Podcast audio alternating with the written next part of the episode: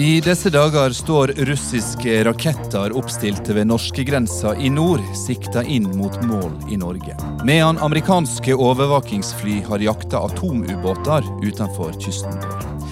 I stormaktskampen om nordområdene ligger Norge i skvisen nedenfor isen og stoler på USA og Nato.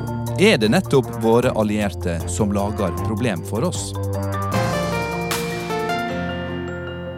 Velkommen til ei ny utgave av Disse dager på NRK P2. Programmet som eh, hver veke forsøker å se de lange linjene og tegne det store bildet. Og i dag har vi spent opp et riktig stort lerret å bleike her på Skatten på Tøyen i Oslo.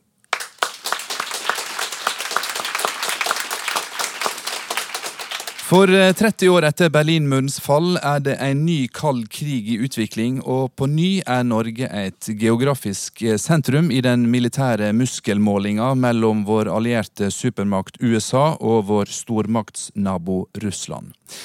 De siste ukene har russiske atomubåter leka katt og mus med allierte fly og fartøy i det som den norske forsvarssjefen har kalla den største russiske marineøvinga på en mannsalder.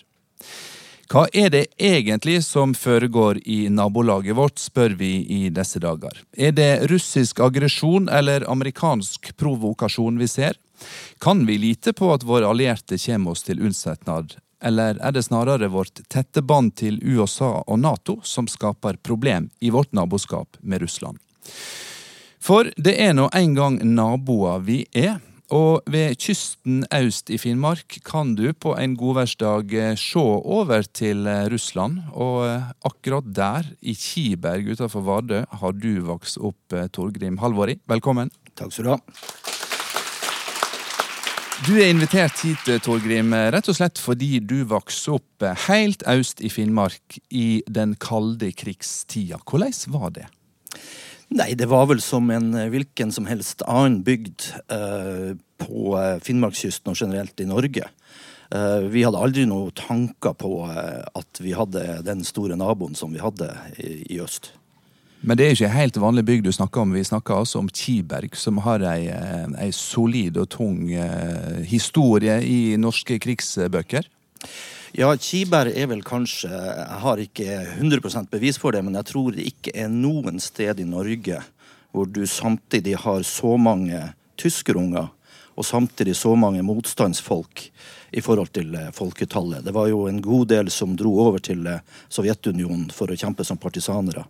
Uh, under krigen. Og det var også kanskje de største tyske kystforsvarsstyrkene eh, stasjonert på det som kalles i dag for Østkapp, eh, med god eh, sikt mot eh, de konvoiene som seilte inn til Murmansk. Mm.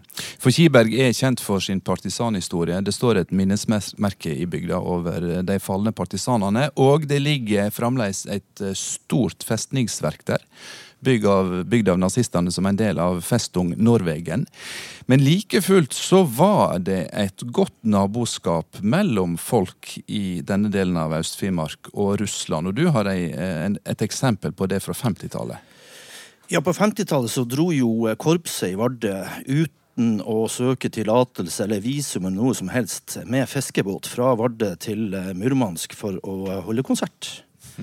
Og eh, sånne ting kunne jo skje. Men det er klart det, det er jo en befolkning som eh, gjennom generasjoner har vært sterkt knytta til russerne. Eh, blant annet gjennom det som var russehandel. Altså i 300 år, i over 300 år så hadde vi pomorhandelen, som da var en samhandel mellom Nord-Norge og eh, Russland. Og eh, den, eh, den, sovjetiske revolusjonen fant jo sted under 30 år før andre verdenskrig. Så det var jo mange som fortsatt huska at de hadde hatt en handel med, med russerne. Mm. Og mange fiskere hadde jo samarbeid, og det, det er jo på en måte i, i, mange, mange år så har man hatt et veldig sterkt bånd til Russland. Ja. Nå er jo situasjonen slik i dag at det neppe hadde gått an for et uh, korps fra Vardø å bare ro over til Russland. Um, for vi snakker om en ny kaldkrigstid. Uh, jeg vokste opp på Vestlandet på 70- og 80-tallet, Torgrim, og var livredd for atomkrig. Ungene i gata snakka veldig mye om det, og hvor, hvor mange ganger kloden kunne sprenges sønder av atomvåpen. Hvordan var det for unge Torgrim? Grim eh, rett ved russergrensa i Finnmark? Nei, jeg tror ikke vi var særlig opptatt av atomkrig. Det tror jeg ikke. Og for mitt vedkommende så gikk det vel eh, opp for meg for første gang hvilken nabo vi hadde rent militært, når jeg var grensejeger i militæret på grense Jakobselv. Og for første gang kunne se i kikkerten over til, eh, til, til Russland. Ja, Hva var det du så da? Til Sovjetunionen. Da så vi jo de eh, rakettanleggene, vi så eh, antenneanleggene, vi så eh, flåt, en del av flåten.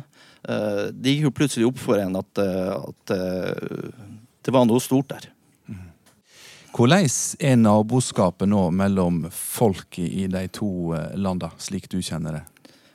Jeg tror vi må se på to forskjellige ting. Her sørpå så har man kanskje lett for å se på det naboskapet der oppe med storpolitiske øyne. Mens man i Finnmark ser på det både med storpolitiske øyne og folk-til-folk-øyne.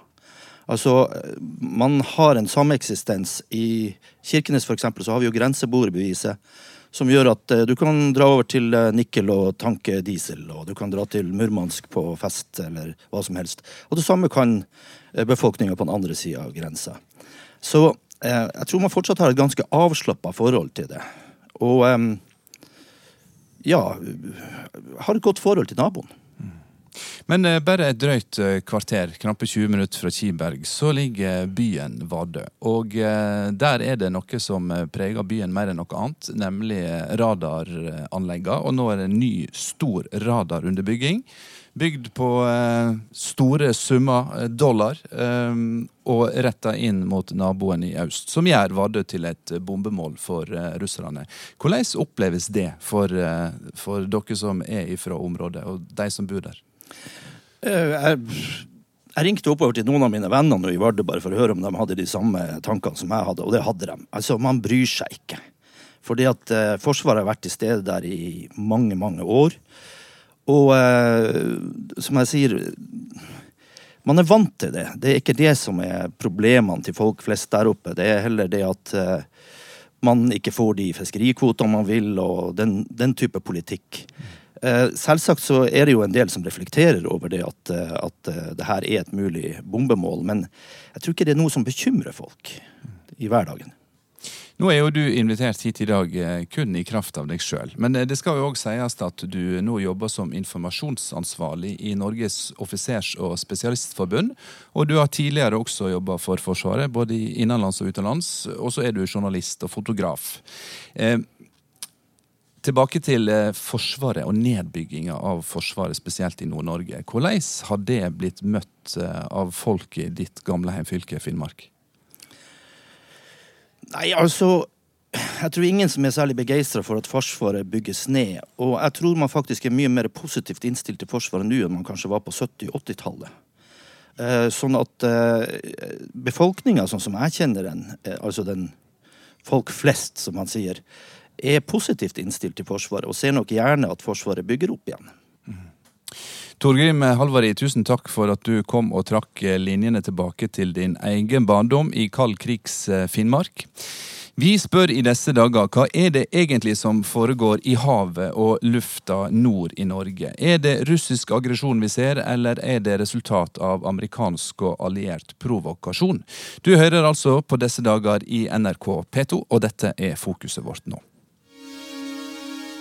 Detaljplanlegginga av den største Nato-øvinga i Norge på mange tiår pågår for fullt.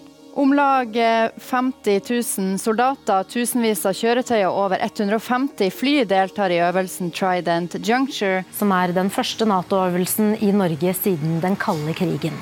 Amerikanske marinestyrker har rolla som den røde fienden, mens styrker fra andre Nato-land skal forsøke å frigjøre de okkuperte områdene. Den russiske marinen viser muskler med den største øvelsen utenfor norskekysten på flere tiår. Og Den russiske øvelsen som pågår nå, den er sannsynligvis et svar på Nato-øvelsen som ble holdt i fjor. Det er historiske dimensjoner over militærøvelsen som Russland nå har satt i gang utenfor norskekysten. Hovedproblemet sett fra russisk side er de amerikanske styrkene som er i og rundt eh, Norge. Den russiske øvningsaktiviteten føyer seg inn i et mønster mønster der Russland driver militær aktivitet både oftere og lengre vest enn tidligere.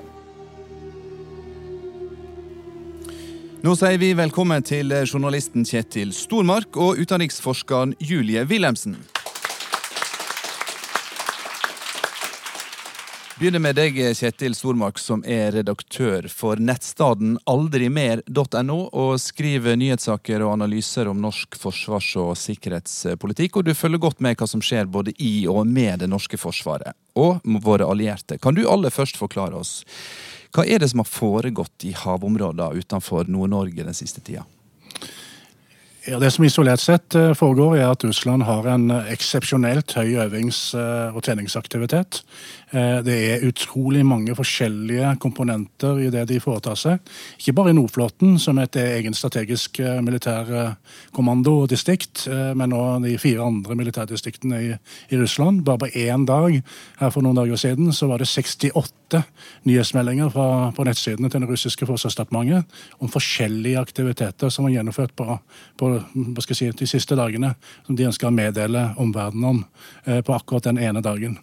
Hva, er, hva aktivitet er det som har vært skal vi si, mest oppsiktsvekkende sett med norske øyne? Ja, Sett med norske øyne så har jo forsvarssjefen vært ute og vært tydelig på at eh, det som har størst betydning for oss, er at Russland trener på å utløse det som kalles bastionforsvaret, som handler om å nekte Nato å operere i store deler av Nord-Atlanteren. Så i praksis nord for havområdene mellom Grønland, Island og Storbritannia. Og gjør det vanskelig for Nato å komme Norge til unnsetning? Ja, og det betyr jo i praksis at vi vil havne bak et nytt jernteppe, for å bruke et uttrykk for den kalde krigen, og som gjør at vi eh, vil eh, Eh, være overlatt til oss sjøl. Det er jo noe som volder ganske stor bekymring på norsk side. Gitt at forsvarssjefen nå for ikke gjentatte ganger har vært tydelig på at Forsvaret i dag evner ikke å ivareta sin oppgave som er forsvare Norge. Og evner heller ikke å ivareta våre alliansemessige forpliktelser. Fordi at vi har bygga ned norske kapasiteter. Eh, vi har en mye dårligere evne f.eks. til å gjennomføre tokt med maritime patruljefly fra Andøya, som gjør at USA prøver å ta over den, deler av denne jobben, som igjen fører til økt spenning i nordområdene, eh, fordi Russland reagerer med større irritasjon og nervøsitet når USA kommer for nær. Eh, men de kan i realiteten ikke ta over en del av denne jobben, fordi de mangler kompetanse eh, på de som da skal bemanne disse flyene. Så da risikerer da Nato å ha for dårlig situasjonsforståelse. Det kan føre til feiltolking av hendelser, som igjen kan føre til at situasjoner kan komme ut av kontroll. Det som er, men det som er viktig å understreke her, er at Russland ønsker primært stabilitet i nord. For det er et viktig økonomisk område for, for Russland. Men det er også sånn at dersom de føler seg trua og føler at de kan komme i en situasjon, hvor de mister kontroll, så vil vi møte en militær knytteneve som vi ikke har kjent på veldig, veldig lenge. Og det er den de har testa ut nå, sier du. Julie Wilhelmsen, du er seniorforsker ved Norsk utenrikspolitisk institutt, heretter kalt bare NUPI, og du kjenner russisk sikkerhets- og forsvarspolitikk godt. Hva er det Russland holder på med nå? Nei, jeg tror Konteksten er kjempeviktig her. For det handler jo om at Russland ser seg selv som en stormakt og har bygget opp eh, også militært i tråd med den identiteten over lang tid. Eh, Russland er den største arktiske makten. Eh, og har enorme interesser eh, i nord. Både eh, aller mest økonomisk faktisk i utgangspunktet, men selvfølgelig også militært. Fordi de har veldig store, sårbare militære kapabiliteter, f.eks. Nordflåten, i, i, dette området. Og så har Russland i økende grad en følelse av at deres suverenitet, deres grenser, er utsatt for det de ofte kaller for en slags vestlig omringning. Uh, og de er spesielt redd for et økende amerikansk nærvær i, sine, i nærområdene. Og det er faktisk veldig lenge siden Russland helt eksplisitt, eh, Lavrov, som er utenriksministeren, advarte om det han kalte en militarisering eh, av Arktis. Og også i retorikk mot Norge, før, lenge før liksom krisen mellom øst og vest ble skikkelig ille etter annekteringen av Krim, så har man sagt at Norge må være forsiktig med å invitere sine eh, allierte inn. Det vil vi se på som en utfordring og en trussel for oss. Uh, og i det russiske narrativet, som jeg studerer, altså hvordan de snakker og, og, og deres situasjonsforståelse, så har det nå de siste uh, årene blitt slik, altså med henvisning til f.eks. de amerikanske basene på Værnes, denne Vardø radaren du var eh, innom, som kanskje blir del av det amerikanske det europeiske missilforsvaret. Økende øvingsaktivitet, sånn som den store Trident Juncture-øvelsen vi hadde i Norge eh, i fjor høst. Med henvisning til alle disse eh, hendelsene som de ser i sammenheng, så sier de Norge er i ferd med å bli en eh, plattform for eh, amerikansk militærmakt og maktprojisering overfor eh, for, Russland. Og Derfor er det slik, som Stormark eh, sa, at eh, Russlands eh, hva skal jeg si, humør nå om dagen er å drive med eh, kanonbåtdiplomati og signalisere veldig sterkt ved bruk av, av, det de har, at dette er noe, en utvikling de ikke, ikke aksepterer. Derfor trekker de plutselig, skremmende nok, lenger sørover og vestover ned i Norskehavet. Hva gjør det på det russiske humøret at de møter amerikanske overvåkingsfly eh, og andre allierte fartøy eh, så nær sin egen grense og rett utenfor vår kyst? Ja, altså jeg, eh, jeg, jeg, har jo jeg, kan jo ikke lese deres tanker, men hvis jeg leser ut fra det som er den russiske militærdoktrinen, og alt de sier, så er det en veldig stor forskjell på om det er eh, amerikan amerikanerne eller nordmennene eh, de møter. De advarer mot det de kaller tredjelands baser og infrastruktur nærmere Russlands grenser. Det har de gjort i alle år. Og, og derfor så er det faktisk en, en forskjell. Stormark, denne veka stadfesta forsvarssjef Håkon Brun-Hansen at det er stilte opp russiske kjernevåpen eh, drøyt halvannen mil fra norske grenser, og i samband med den store russiske marinøvinga så eh, meldte de inn fire områder i havet utafor utenfor norskekysten, ganske langt sør, der de ville drive skarpskyting. Hva forteller dette deg? Ja, Det forteller meg at Russland går egentlig ganske langt, og i mine øyne altfor langt. Eh, Eh, og er veldig pågående og, og, prøver å skyve grenser i forhold til hva som blir akseptert av atferd. Derfor er det viktig med grensesetting. Forsvarssjefen sa det ganske eh, klokt eh, eh i forrige uke i podkasten til Forsvarsforum, at det er veldig forskjell på et amerikansk hangarskip 1000 km unna Russland og eh, eh, mellomdistanse atommissiler 16 km fra norskegrensen. Burde eh, Norge sett foten ned? Ja, Det er en proporsjonalitetsforskjell her i forhold til at det, dersom Nato hadde gjort det Russland nå gjør, med den aggressiviteten og, og, så nærgående som den russiske nordflåten og det, og det, russiske forsvaret er i forhold til Nato og Norge Hvis vi hadde gjort det samme andre veien, så hadde vi vært nær krigsutbrudd. Det er helt overbevist om. Russerne hadde vært hysteriske. Og det er, eh, I denne situasjonen er det veldig viktig å holde hodet kaldt og, og trekke pusten. og eh, både anerkjenne Russlands sikkerhetsbehov prøve å ivareta et godt naboskap, men samtidig være krystallklare på at dette er ikke akseptabelt. Julie Wilhelmsen, hadde Norge hatt noen sjanse til å sette foten ned på noe vis? Nei, og jeg hadde litt lyst til å spørre hva mener du med det?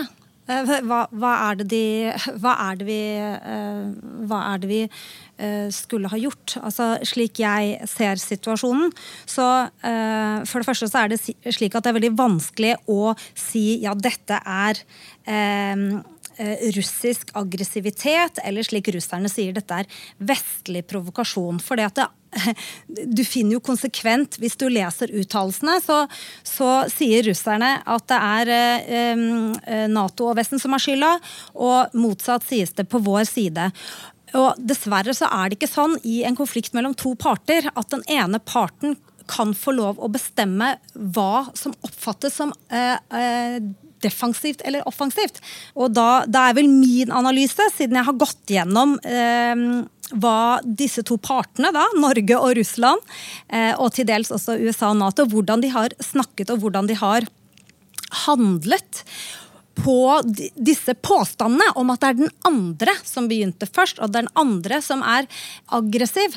Og det vi ser da, er jo nettopp dette mønsteret med en slags opptrapping. Og så kan du, kan du, si ja, det er veldig vanskelig å vurdere, da. Er den opptrappingen som har blitt gjort på Nato-siden, mindre enn den som har blitt gjort på, eh, på, på, den russiske siden. Hvordan, hvordan, skal du avgjøre det? Eh, så på en måte så, så, tenker jeg det spørsmålet hvem er det som gjør mest For meg som forsker så er det litt irrelevant. For det jeg ser her, er eh, den dynamikken som, som oppstår. Eh, hvor man på en måte vikler seg inn i en eskalering, og hvor disse bildene av at den andre er eh, aggressiv og farer med løgn, som vi da finner som et slags speilbilde på begge sider, gjør at man faktisk driver og signaliserer med øvelser og kanonbåtdiplomati, mm. istedenfor å eh, sette seg ned og kanskje snakke mer konkret. Hva er det dere er så redd for? Mm. Um, Nå er jo de diplomatiske kanalene eh, litt tettere enn de har vært eh, opp gjennom åra. Men tilbake til Stormark. Er ikke det et poeng her at den objektive sanninga er det vanskelig å finne? Ja, du kan se på øvingsmønsteret. Det kan du jo lett etterprøve og se hva de faktisk gjør, rent geografisk og fysisk. Hvor er det den russiske Nordflåten opererer, og hvor er det Nato opererer. Trident Juncture, den store Nato-øvelsen som man har pekt på, den hadde øvings, eh, hva skal jeg si, tyngdepunkt i Trøndelag og sørover. Mens uh, den russiske Nordflåten blokkerer ut fire faresoner ganske tett, altså inne i norsk økonomisk sone, ganske tett på norsk farvann. Det er viktig at man ikke forspiser seg på forståelse her, fordi det er viktig å være tydelig på en grensesetting tilbake igjen i forhold til hva som er legitime militærfaglige hva skal jeg si, eh, begrunnelse for å øve der eller der. Eh, jeg tenker litt sånn at det er forskjell på håndteringen til regjeringen og forsvarsministeren og forsvarssjefen nå ved den siste anledningen. De har vært vesentlig tydeligere nå enn det de har vært før. Det som dessverre har vært, og det som jeg har vært uenig i tidligere, er at man har i veldig stor grad holdt kjeft om ting som har skjedd. Det var jo først lenge i ettertid vi fikk høre om disse simulerte bombeangrepene som russiske bombefly og kampfly hadde gjennomført mot bl.a. Eh, Etterretningstjenestens radar eh, i Vardø og andre mål på norsk jord. Og, og der mener jeg at regjeringen eh, skylder det norske folk å være åpnere på hva som skjer, eh, og hva som er den faktiske situasjonen. Eh, det at man prøver å holde en god del av disse hendelsene, hendelsene hemmelige, skyldes at man ønsker å unngå en eskalering og gjøre egen håndtering enklere, men er ikke sikker på om den er rette resepten. Julie Wilhelmsen, de starta med Torgrim Halvard, i oppvoksen i Kiberg eh, øst i Finnmark, som snakka om naboskapet mellom eh, de som bodde i Finnmark og de som bodde på russisk side. Godt naboskap. Du er opptatt av Norges endra rolle i forhold til Russland. Fordi vi er ikke lenger bare nabo, sier du, men vi blir sett på som et fiendeland. Ja, ja, det er rett og slett et empirisk funn. For det har gått igjennom hvordan Russland snakker om Norge i årene fra 2012 til 2018. Og da ser vi at eh, Norge alltid har hatt denne doble identiteten i det russiske bildet. Norge har vært partner og nabo. Og så har det vært dette litt eh, For så vidt har vært, vært et veldig svakt bilde fram til 2014, men det har alltid vært en sånn nølende eh, Vil Norge kunne bli en frykt for at Norge vil kunne bli Nato i nord på et eller annet tidspunkt. Og Det som har skjedd etter 2014, er jo nettopp at eh, eh, Det tar riktignok litt tid, men etter hvert så betoner Russland mye mer eh, det at Eller det er en slags anklage om at Norge nå har forlatt eh, sine selvpålagte restriksjoner. Og hva er det restriksjonene vi snakker om? Det dreier seg om, dreier seg om uh, utplassering av amerikanske baser. Det dreier seg om hvor langt uh, nord uh, man øver. Og det dreier seg også om at Norge hadde en restriksjon som sa vi skal ikke ha atomvåpen på norsk jord, og at russerne mener at, at amerikanske ubåter har med seg atomvåpen når de kommer. Og, og de får legge til til norske til, til kai i, i, i Norge. Eh, de, de, kommer da med denne nye anklagen. Eh, i form av at det ikke lenger er slik at Norge på en måte er et offer for amerikansk press, som de gjerne ville sagt, men at de sier ok, nå har Norge valgt selv eh, denne nye statusen. Så Norge er liksom ikke helt uskyldig lenger. Norge velger selv å bli Nato i nord. Uh, og det uh, kommer til å ha en, en, en, kostnad. Og da har vi jo lagt merke til alle sammen dette, disse ganske heftige uttalelsene fra eh, russisk side. Kort til deg, Stormark. Altså, jeg, jeg, er veldig opptatt av å, liksom, å påpeke at eh, proporsjonalitetene det Russland gjør, ikke står i forhold til de legitime sikkerhetsbehovene de tross alt har. Og Det er viktig at vi på en måte ser og skjønner at deler av det vi opplever som Nato i nord, eh, er eh, testing av grenser for å se hva man kan slippe unna med. Eh, og, og eh, gjentatte forsøk på å plage den norske regjeringen for å påvirke norsk sikkerhetspolitikk. For å gjøre det ubehagelig. Eh, og f.eks. si ja til flere amerikanske soldater i nord. Jeg er helt eh, enig med deg. Selvfølgelig prøver de å påvirke norsk sikkerhetspolitikk. fordi at de er redd for at Norge skal bli det de kaller da denne eh, plattformen for jo, det, et amerikansk angrep. Så der vi er uenige, er at jeg syns ikke 700 soldater i US Marine Corps er en spesielt fryktinngytende invasjonsstyrke. Som er basert på verdens. Det syns ikke jeg heller. Men det som er dessverre er tilfellet, er at Eh, slik russerne ser det, så ser de ikke bare på de 700 soldatene. De ser eh, på det som har skjedd i Europa siden 2014, et nytt øvelsesmønster. De ser på nye amerikanske baser i Baltikum, i Polen, kanskje et Fort Trump i Polen. Og det ser de i sammenheng med oppbyggingen av eh, det nye europeiske missilforsvaret, som de mener er til for å nøytralisere russiske kjernevåpenkapabiliteter. Og sånn ser det dessverre ut fra deres side, og alt de gjør gjør nå, signaliserer at de kommer til å stå imot. Så spørsmålet er Og derfor spør jeg nettopp. Spørsmålet er hvor farlig er den utviklinga vi ser nå?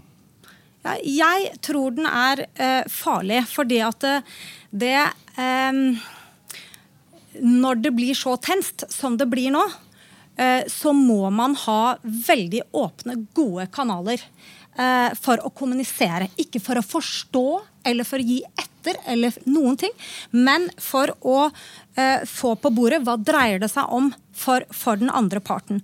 Og det har vært litt uheldig, dessverre, at eh, eh Norge, for det eh, eh, norske myndigheter, for det vi har og det skjønner jeg hvorfor man har. Man har et bilde av at Russland er en aggressiv aktør som driver med propaganda, som ikke egentlig er redde eller frykter dette amerikanske nærværet. Eh, og, man, eh, og det har man på en måte handlet på. Derfor så avviser man ofte, og det finner jeg når jeg leser dokumentene. Man sier nei, det kan vi ikke lytte til det russerne sier, for det er jo bare propaganda. Og det, det kan vi ikke ha i den situasjonen vi er nå. Man må faktisk eh, prøve å, å, få opp eh, flere kanaler for kommunikasjon. Stormark, hvor farlig er situasjonen? Situasjonen er farligere nå enn den var under den kalde krigen. Og jeg skal si veldig kort hvorfor. Eh, under den kalde krigen så var det veldig ideologisk styrte reaksjonsmønstre. Det var ideologier som lå i bunn. Nå er det mye vanskeligere å forutsi reaksjonsmønstre. Eh, det kan være mer private motiver som slår ut i forhold til hvordan Kreml gjør vurderinger den ene og andre veien. Selv E-tjenesten peker jo på at dersom den innenrikspolitiske situasjonen blir mye vanskeligere i Russland, så kan et virkemiddel være eh, å at man ønsker seg en, en fiende å, å, å, forene folket mot.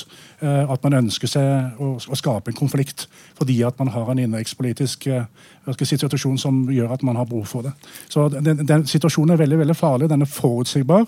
Den er krevende å håndtere. Uh, og selv om E-tjenesten er veldig tydelig på at det ikke foreligger noen trussel mot Norge i dag, så er de også veldig tydelige på at den situasjonen kan endre seg veldig veldig fort. Ja, bare for å være djevelens advokat her, så er det klart at det er problemet dessverre også på vestlig side. Fordi at, at, at det der med å hause opp en ut, ytre trussel er Putins teknikk for å samle makten i Russland. Det er jeg veldig klar over. Det er det alt mitt arbeid handler om. Men du må også eh, ta høyde for at i dagens situasjon så er faktisk Vesten eh, i en slags oppløsningsfase. Og, vel, og, USA er i en oppløsningsfase. Og denne russlandstrusselen, den litt ensidige beskrivelsen av Russland som trussel, fungerer som et lim innad i den vestlige enheten også. Og det er et problem, for da har vi hauker som spiller opp til hauker.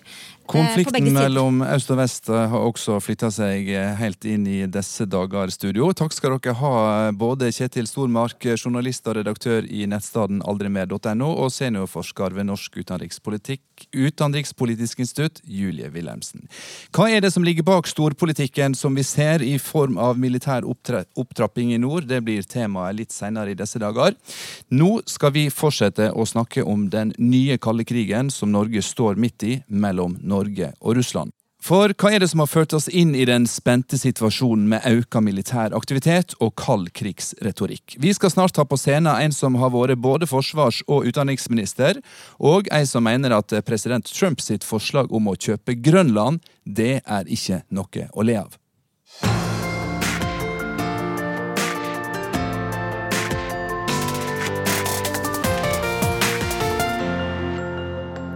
Men først i disse dager velger vi det filosofiske perspektivet, og går tilbake i tid sammen med professor emeritus i filosofi ved Universitetet i Tromsø, Jon Hellesnes. Velkommen til disse dager, Jon. Takk. Hvor var det denne utviklinga starta, slik du ser det? Ja, når det gjelder starten på den såkalla nye kalde krigen, så får vi et svar ut fra vurderinger og situasjonsbeskrivinger til gamle realpolitikere som var aktører i den forrige kalde krigen. Mm. I 2014, eh, altså i høve jubileet for Berlinmurens fall, så var eh, Mikhail Gorbatsjov, Henry Kissinger og Helmut Schmidt eh, igjen etterspurt i media. Mm. Og det var relativt samstemte. Og det var sterkt kritisk til Vesten. Men eh, det er bakgrunnen for Gorbatsjovs kritikk som er spesielt viktig. I 1990 ble han nemlig enig med president Bush senior og utenriksminister James Baker om to viktige saker. Mm -hmm. Sovjetrussiske militære styrker skulle trekke seg tilbake fra østblokklanda. Et samla Tyskland kunne få gå inn i Nato. Men det ble sett et ufravikelig vilkår, nemlig dette at det skulle ikke skje noe utviding av Nato. Tidligere østblokkland skulle ikke kunne bli medlemmer av Nato. Men det varte jo ikke lenge før den lovnaden ble bråten? Nei da, det var, det var Bill Clinton som brøt dette vilkåret, og dermed lovnaden til Gorbatsjov. Og en som heter William Hartung, har gjort greie for bakgrunnen. Eh, han påstår at eh, Clinton følgde et råd han fikk fra den amerikanske våpen- og krigsindustrien med Lockheed Martin i brodden. Mm. Et opprusta og utvida Nato det ville være bra for våpenbusiness. Jon Hellesnes, du eh, mener at de styrende både i USA og her i Norge har seg sjøl å takke for den nye kalde krigen. Hvorfor mener du det? Jeg heller meg til disse her jeg har nevnt nå, med tillegg av George Frost Cannon. Han var jo kanskje den sentrale aktøren i amerikansk utenrikspolitikk under den forrige kalde krigen. Og han fikk med seg utviklinga i Nato, og ytra seg offentlig, eh, nærmere bestemt i New York Times i 1997. Og han skriver da at å inkludere tidligere østblokkland i Nato var ifølge han den farligste og mest lagnadstunge feilen USA kunne gjøre. Mm. Han eh, betrakter dette som et aggressivt åpningstrekk i maktspillet. Det var å gjøre Russland til fiende. Det var å starte en ny kald krig. Mm. Norge har jo interesser eh, både som Nato-alliert, men også interesser som nabo til stormakta Russland.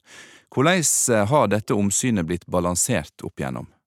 Det merkelige er jo at Eh, da Sovjetunionen eksisterte, og det var eh, ja, altså noe verre regime enn Stalin-regimet er jo vanskelig å Altså, det må jo være Nazi-Tyskland som kan være måle med det. Men det var faktisk mulig før å ha et diplomatisk ordna naboskap med Sovjetunionen.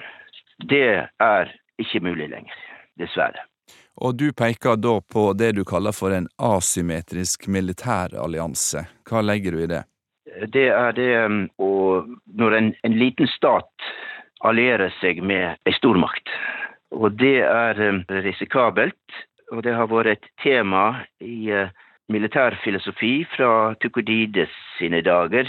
Han um, ga ut dette verket om Peloponneskrigen, og peker da på risikoen for et, en liten bystat å alliere seg med, med en stor stormakt. Og, og, eh, det var jo to um, aktive politikere på 40-tallet som var opptatt av, av, dette også. Det var jo da Olav B. Oksvik, og det var CJ Hambro. Oksvik hadde neppe lest Tukurides eller Thomas Hobbes, men han hadde god politisk dømmekraft. Mm. Hambro han hadde boklig lærdom, i tillegg til god politisk dømmekraft. Og begge disse kloke politikerne fant Nato-medlemskapet problematisk. I så måte så var de ikke helt på linje med partiene de representerte. Oksvik var i Arbeiderpartiet, Hambro i Høyre. Han var jo endatil leder i Høyre et par perioder, og dessuten er han jo kjent som den snarrådige stortingspresidenten i aprildagene 1940. Mm. Og, for, å, for å holde et lite land relativt skadefritt innenfor en asymmetrisk militærallianse, så er det nødvendig, men eh, isolert sett utilstrekkelig, at landet har oppvakte politiske ledere som er utstyrt med det Hambro kaller en mistenksom aktpågivenhet også overfor våre allierte. Mm. Det er eh, verdt å gjenta. Jon Hellesnes, eh, takk skal du ha for at du var med og delte de oppsummering fra en filosofisk tenkende om utviklinga de siste tiåra med oss fra eh, Universitetet i Tromsø. Men så er spørsmålet hva har de tenkt, de som har styrt den norske politikken? Du hører NRK P2.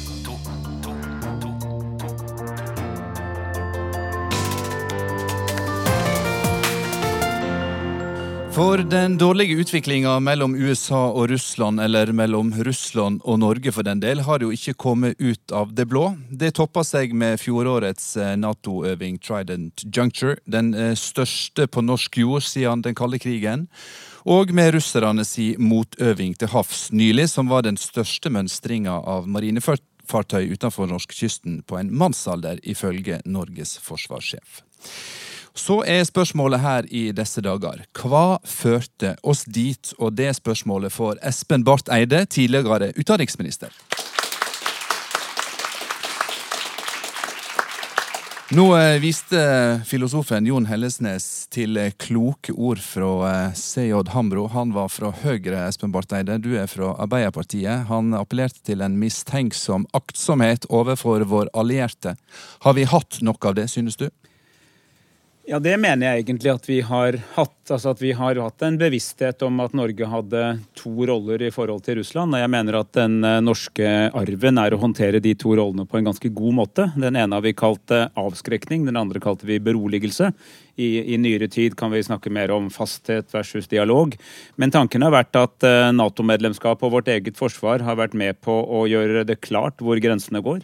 Altså både bokstavelig talt hvor grensene går, og, og, i mer overført betydning. Og samtidig vi, har vi hele tiden ønsket å ha en så god dialog som mulig med Sovjetunionen og Russland innenfor de rammer som storpolitikken satt. Og jeg mener at uh, den sentrale læresetningen da, i overført betydning av dette, er at uh, hvis man må skru opp på den, uh, den uh, knappen som heter Eller bryteren som heter beroligelse, så må du også skru opp på den som heter Unnskyld, vi skal skru opp på den som heter avskrekning, må du også skru opp på beroligelse. Du må altså, Om du skal gå inn i sanksjoner, om du skal styrke Forsvaret, som man noen ganger må, så må du også passe på at du har dialogsporet åpent. Du er invitert hit i dag fordi du fra eh, år 2000 og et drøyt tiår framover pendler mellom Forsvarsdepartementet og Utenriks Utenriksdepartementet, både som statssekretær og statsråd. Du har også en bakgrunn som forsker ved NUPI, men du har uansett vært politisk sentral i en viktig periode. Hva har vært den politiske tanken bak Norges handlingsmønster overfor Russland? Jeg har lyst til å gå tilbake til 2005 eh, og den regjeringserklæringen vi la fram da Stoltenberg-regjeringen trådde på. Eh, da eh, sa vi at nordområdene skal være Norges viktigste strategiske satsingsområde i årene som kommer. Og Det gjentok vi i 2009, den neste regjeringserklæringen med de samme partiene.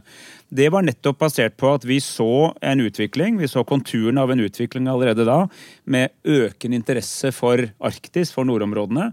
Det var mye positivt i det, nye muligheter som åpnet seg også noen klimatiske problemstillinger som kom med dette. Men samtidig ønsket vi å unngå at det førte til et slags høyspent nord.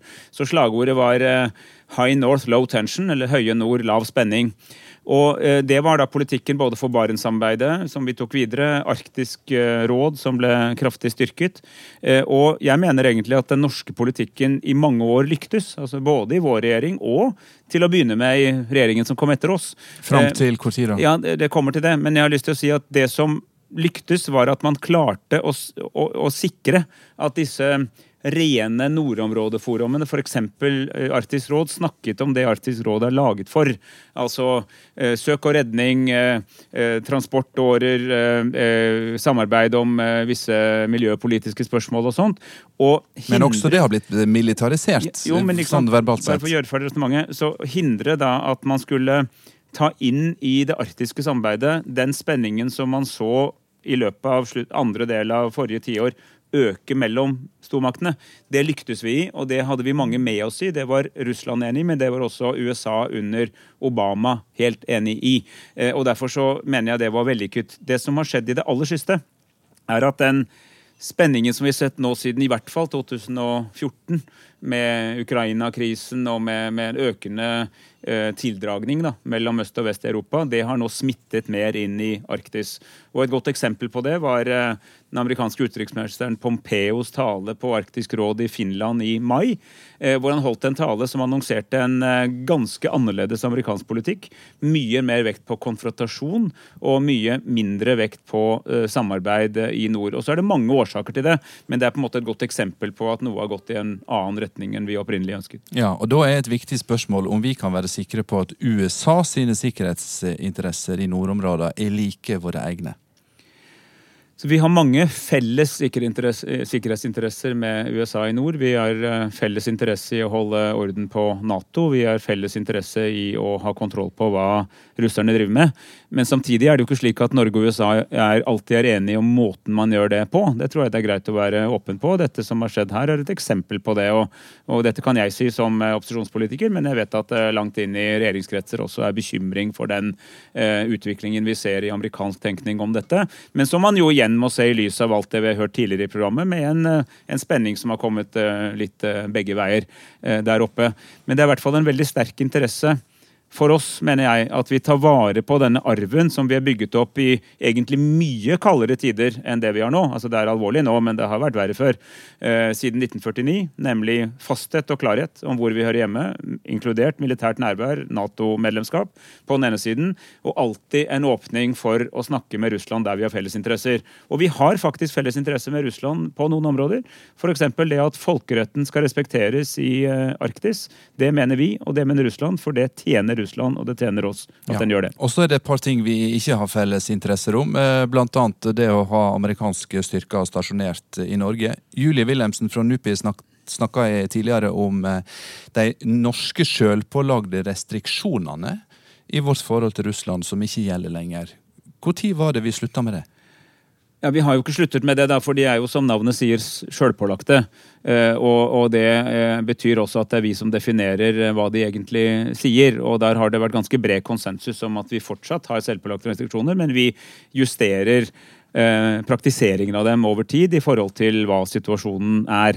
Så jeg mener at det fortsatt ligger som en del av den arven som vi fortsatt praktiserer, at det er en del ting vi ikke gjør. Eh, men vi følger selvfølgelig også med hva som skjer i våre nærområder. Jeg tror ikke egentlig problemet ligger der.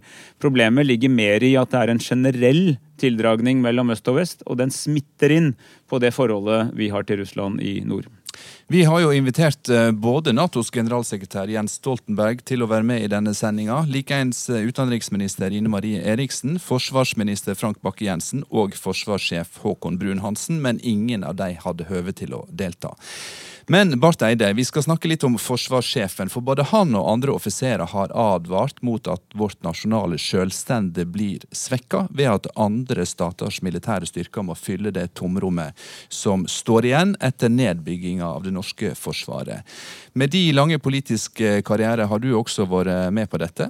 Har norske politikere tenkt over i nedbygginga av Forsvaret at det en dag kunne bli så lite og skrøpelig at vi måtte ha hjelp også til daglig drift i det militære oppdraget?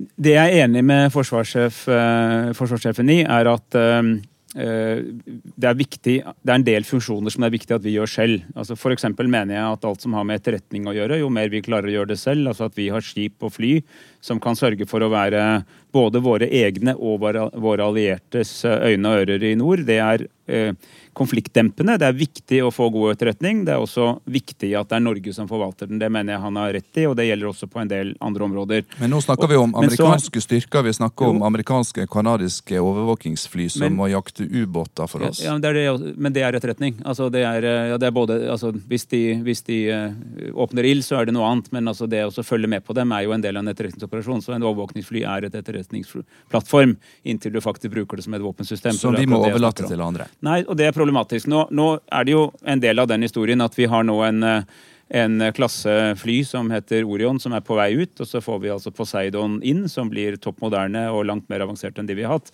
Men i den overgangen så er det altså øh, noen andre som bistår, og det, det, er på en måte et forbi, akkurat det er et forbigående problem. Det enkle spørsmålet, og bare for å gjøre det tydeligere, det er har norske politikere, når de har bygd ned forsvar og forsvarsevnen, egentlig vært klar over hva de holdt på med. Men jeg er, jeg er ikke helt enig i det premisset. fordi Forsvaret er selvfølgelig mindre i størrelse. Det er vårt, det er amerikanske, det er det russiske, det er det kinesiske. Det er alle lands forsvar er mye mindre enn de var da vi hadde mye mer manuelt forsvar. Eh, vi har samtidig hatt massive investeringer i f.eks. kampfly, fregatter eh, og, og, og, moderne systemer til, til Hæren, som går langt utenpå alt vi hadde tidligere. Og i Norge, i motsetning til en del av våre allierte land, så har vi hele tiden tenkt i våre materiellanskaffelser, våre strukturvalg, på det vi kaller high end-scenarioet på fint, altså, det, altså full krig. Eh, veldig mange av våre allierte i Nato ble så opptatt av å være i Afghanistan eller i andre utenlandsoperasjoner at de så helt bort fra at det også kunne bli konflikt og krig mellom stater. Det gjorde vi faktisk aldri i Norge. Vi har selv vært med på å anskaffe et av verdens mest avanserte kampflysystemer, nettopp fordi vi skulle ha en robust evne til å hevde vår eget luftrom. Så det premisset om at Forsvaret er bygd ned, altså selvfølgelig riktig størrelse, det er ikke nødvendigvis det i kampkraft. Takk skal du ha så langt, Espen Barth Eide. Du skal få bli med videre når vi nå setter kursen mot Nordpolen.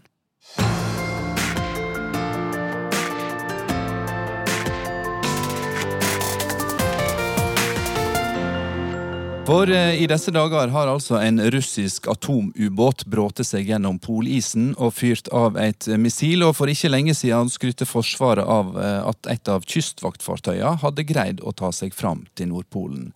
Hva er det med Arktis og Nordpolen som gjør at den blir mål for militære fartøy? Hva handler kampen om nordområdene om? Nå skal vi ta inn Hedda Bryn Langemyr, som er daglig leder i Utsyn, Forum for utenriks- og sikkerhetspolitikk.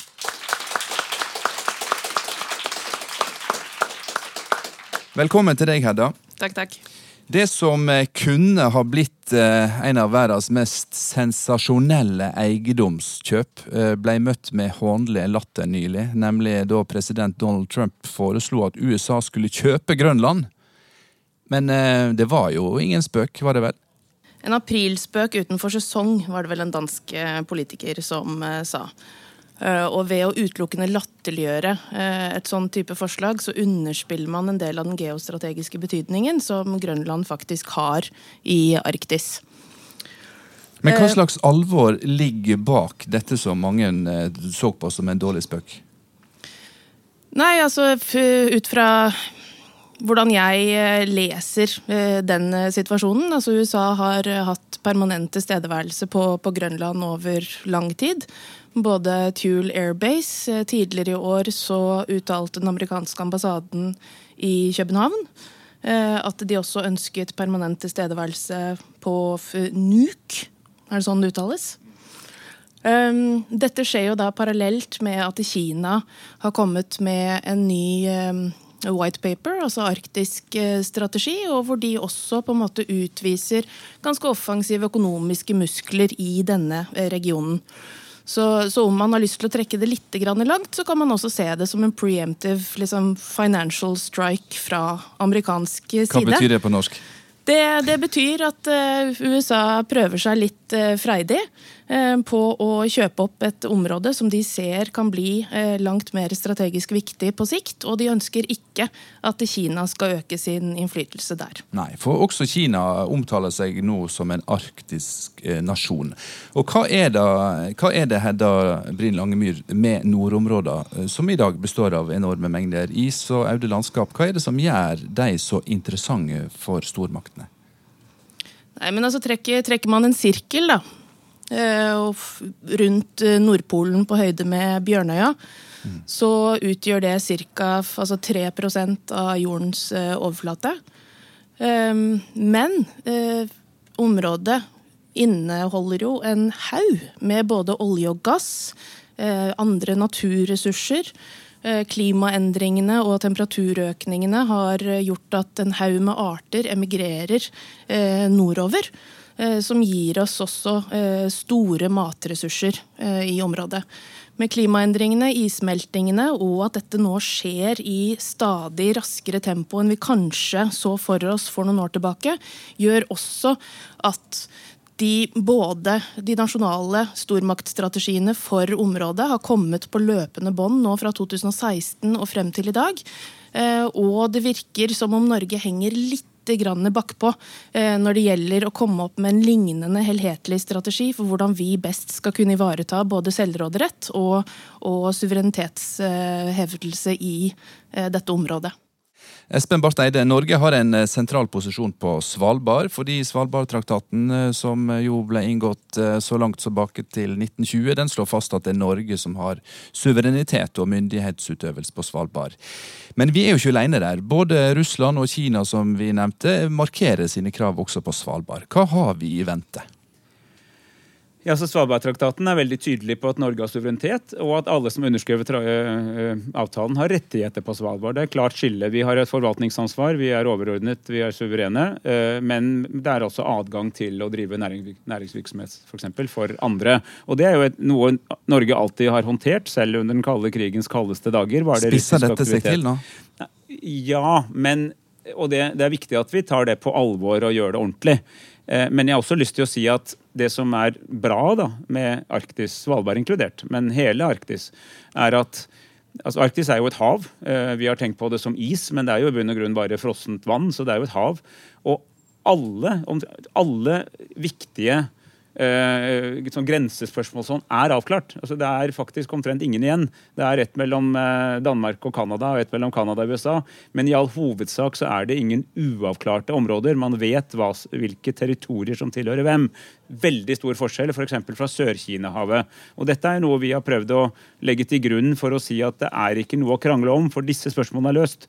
Det vi må gjøre nå, er å se hvordan vi samarbeider om å utnytte området fornuftig mellom de landene som har legitime rettigheter i området. Og Det er etter min mening det, det sentrale norske arktisperspektivet. Og der vil jeg nesten, jeg er veldig enig i det Hedda Langemyr sa.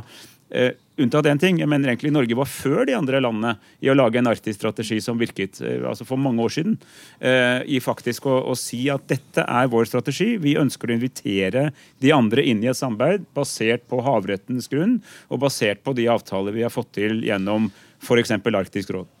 Hedda Bryn Langemyr, blir det vanskeligere å hevde norsk suverenitet på Svalbard framover, tror du, med den kampen som er under oppseiling? Eh, ja, det, det tror jeg.